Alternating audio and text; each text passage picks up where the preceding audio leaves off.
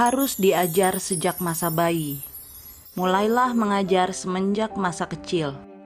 Penurutan kepada wewenang orang tua harus ditanamkan dengan cara mengulang-ulanginya pada masa bayi dan diperkembangkan pada masa mudanya. Beberapa orang tua berpendapat bahwa mereka dapat membiarkan anak-anak mereka untuk mengikuti jalan mereka sendiri pada masa bayi mereka, dan kemudian, bila mana anak-anak itu telah menjadi lebih besar, mereka akan bertukar pikiran dengan anak-anak itu. Tetapi hal ini adalah suatu kesalahan. Mulailah semenjak masa bayi pengajaran tentang penurutan. Tuntut penurutan di dalam sekolah rumah tanggamu Semenjak masa bayi mereka, anak-anak harus diajar menurut orang tua mereka untuk menghormati kata-kata mereka dan menghormati wewenang mereka. Sebelum kuasa berpikir diperkembangkan, salah satu dari pelajaran-pelajaran pertama yang perlu dipelajari oleh seorang anak ialah pelajaran tentang penurutan.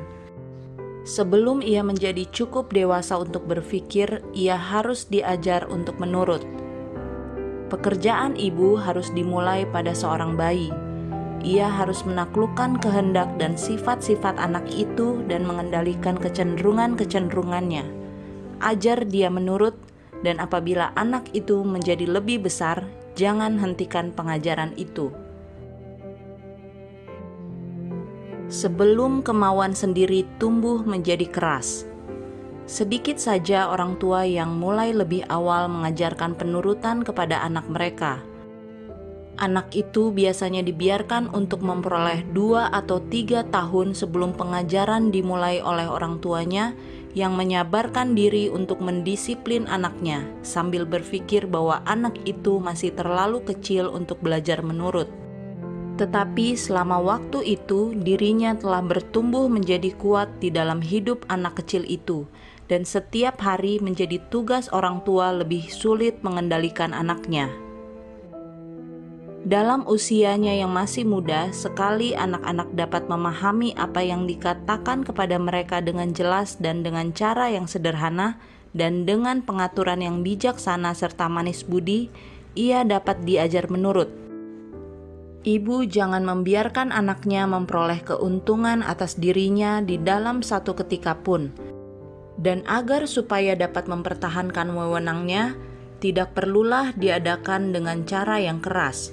Sebuah tangan yang teguh dan tetap dan satu sikap yang manis budi yang meyakinkan anak itu tentang kasihmu akan dapat melaksanakan pekerjaan itu.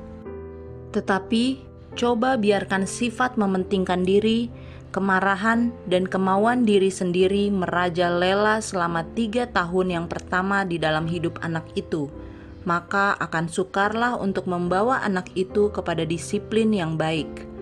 Kecenderungannya telah menjadi rusak.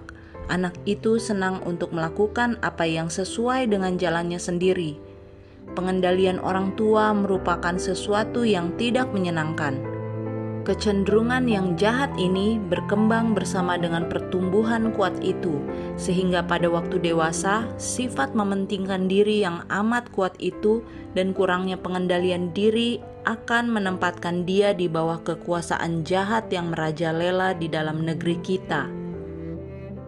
Jangan sekali-kali membiarkan anak-anak menunjukkan sikap tidak hormat terhadap orang tua mereka kemauan diri janganlah dibiarkan tanpa mendapat teguran. Kesejahteraan masa depan anak itu memerlukan diadakannya disiplin yang penuh kasih dan kebaikan, tetapi tegas. Penurutan kepada orang tua akan menuntun kepada penurutan kepada Tuhan. Orang muda dan anak-anak kecil yang mempunyai orang tua yang suka berdoa memiliki keuntungan yang besar karena mempunyai kesempatan untuk mengenal dan mengasihi Allah. Di dalam sikap hormat dan menurut kepada orang tua mereka, maka mereka bisa belajar bagaimana caranya untuk menghormati dan menurut kepada Bapa mereka yang di surga. Jikalau mereka berjalan seperti anak-anak terang, mereka akan menjadi manis budi dan sopan, mengasihi dan hormat kepada orang tua mereka yang mereka lihat, dan dengan demikian mereka disanggupkan untuk mengasihi Allah yang tidak pernah mereka lihat. Jikalau mereka menjadi wakil-wakil yang setia dari orang tua mereka sambil mempraktikkan kebenaran melalui pertolongan yang telah diberikan Allah kepada mereka, maka oleh pengajaran dan teladan hidup, mereka mengakui hak milik Allah dan menghormati Dia dengan kehidupan yang teratur dan penuh ibadat. Hanya orang yang menurut akan masuk surga biarlah para orang tua dan guru menanamkan di dalam ingatan anak-anak bahwa Tuhan sedang menguji mereka di dalam hidup yang sekarang ini untuk melihat apakah mereka mau menurut kepadanya dengan kasih dan sikap hormat. Mereka yang tidak mau menurut kepada Tuhan di sini tidak akan menurut Dia di dalam dunia yang baka jikalau orang tua atau anak-anak pada suatu hari akan disambut masuk ke dalam rumah yang di surga, itu disebabkan oleh karena di dalam dunia ini mereka telah belajar untuk menurut hukum-hukum Allah.